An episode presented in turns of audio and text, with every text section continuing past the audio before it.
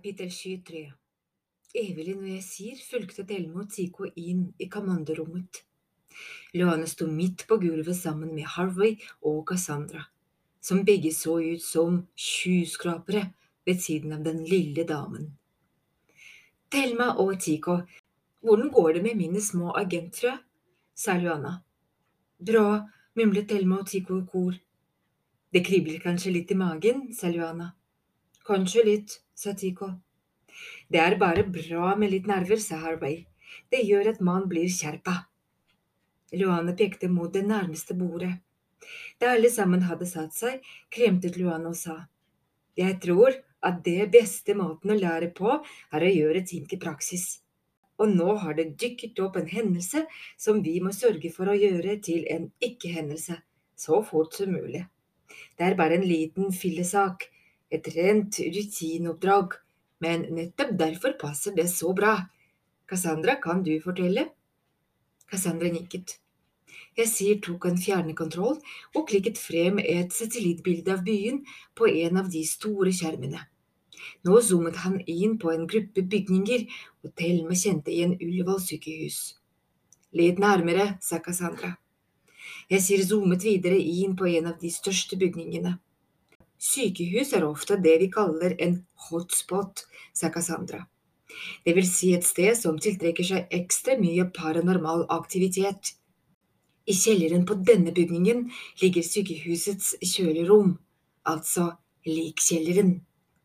Thelma og Tico grøsset. Og nå fikk vi nettopp en telefon fra en patolog som jobber der. I tilfelle dere ikke vet det, en patolog er en lege som skjærer i lik, sa Harvey, for å finne ut hva folk har daua av. En som utfører obduksjoner, sa Johanna, for å ivareta profesjonaliteten i forklaringen.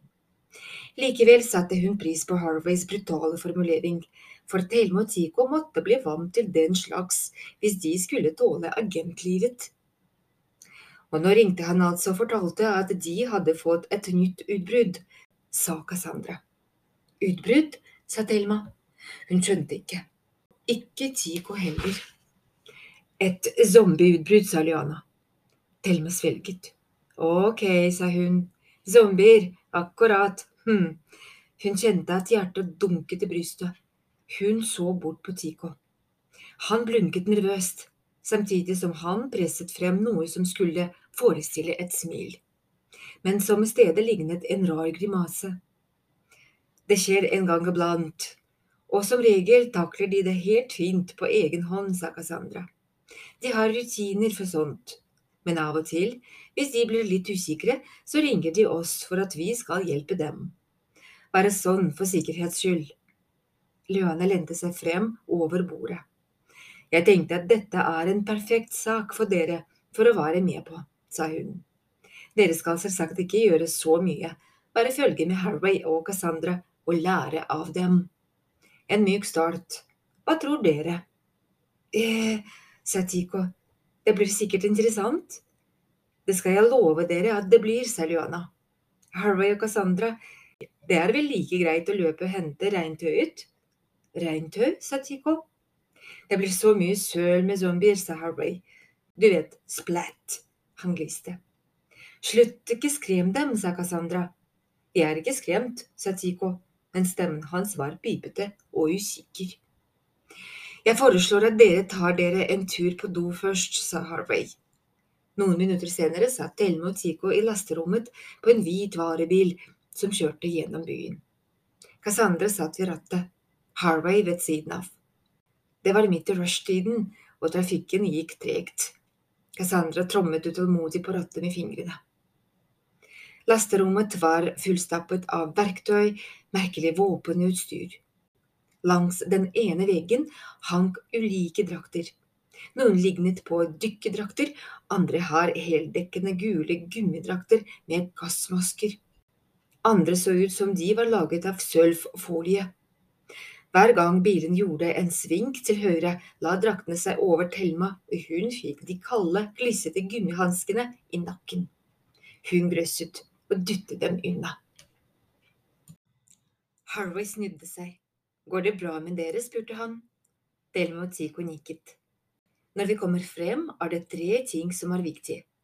At dere adlyder alle ordre, og at dere ikke får panikk, sa Harway. Den tredje tingen er den samme som den første tingen, at dere adlyder alle ordrer. Alltid og uansett. For gjør man bare én liten feil, så kan det være snipp, snapp, snute før du vet ordet av det. Forstått? Thelma og Tico nikket. Harvey snudde seg tilbake. Må du si det på en så streng måte, hvisket Cassandra, og det var ikke meningen at Thelma og Tico skulle høre det. Jeg bare sier det som det er, snøftet Harvey. Idet de svingte inn på sykehusområdet, ringte mobilen til Harvey.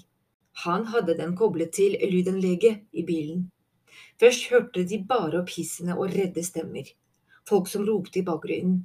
Så hørte de en andpusten mannsstemme. Hvor blir det av dere? Hallo, Harway, Cassandra, kan dere høre meg? Kommer dere? Ta det med ro, vi er der snart, sa Harway. Ikke gjør noen ting, bare sørg for å låse opp for oss, vi er der om to minutter. Mannen i den andre enden ropte. De begynner å… Herregud, nei, nei, lug den døra, lukk! Så hørte de bare lyden av pusting og løping, rop og skrik. Så ble samtalen brutt. Det var lyden av en dårlig dag på jobben, mumlet Harvey. Cassandra snudde seg og smilte. Et sånt smil man bruker for å si at det ikke er noen grunn til bekymring. Går det fortsatt bra baki der? sa hun. Delmo Tico nikket, spakt. Harvey ristet oppgitt på hodet. Doktor Spinelli har alltid vært en puse så lenge jeg har kjent ham. Jobber med daunger dagen lang, år etter år. Men med en gang noen begynner å røre litt på seg, så er det liksom full krise. Delmo og Tico så på hverandre. De ante ikke hva som foregikk, bare at det ikke var noe bra. Ikke bra i det hele tatt. Zombier, var det mulig? Cassandra lente seg mot Harvey. Hun hvisket, men både Thelma og Tigo hørte hvert ord. Harvey, kanskje rekruttene bør vente i bilen mens vi… Hvorfor det, sa Harvey. Like greit at de hopper i det med en gang. Eller vil du at vi skal vente helt til Evelyn mener de er klare? Da tror jeg vi må vente i flere år. Du lærer ikke å svømme gjennom å lese støvete bøker, men av å bli slengt ut i vannet. Jo, men det er jo en fordel å vite hvordan man gjør svømmetakene først, protesterte Cassandra. Harvey snudde seg mot og Bare husk reglene, så kommer dette til å gå kjempebra, sa han og blunket.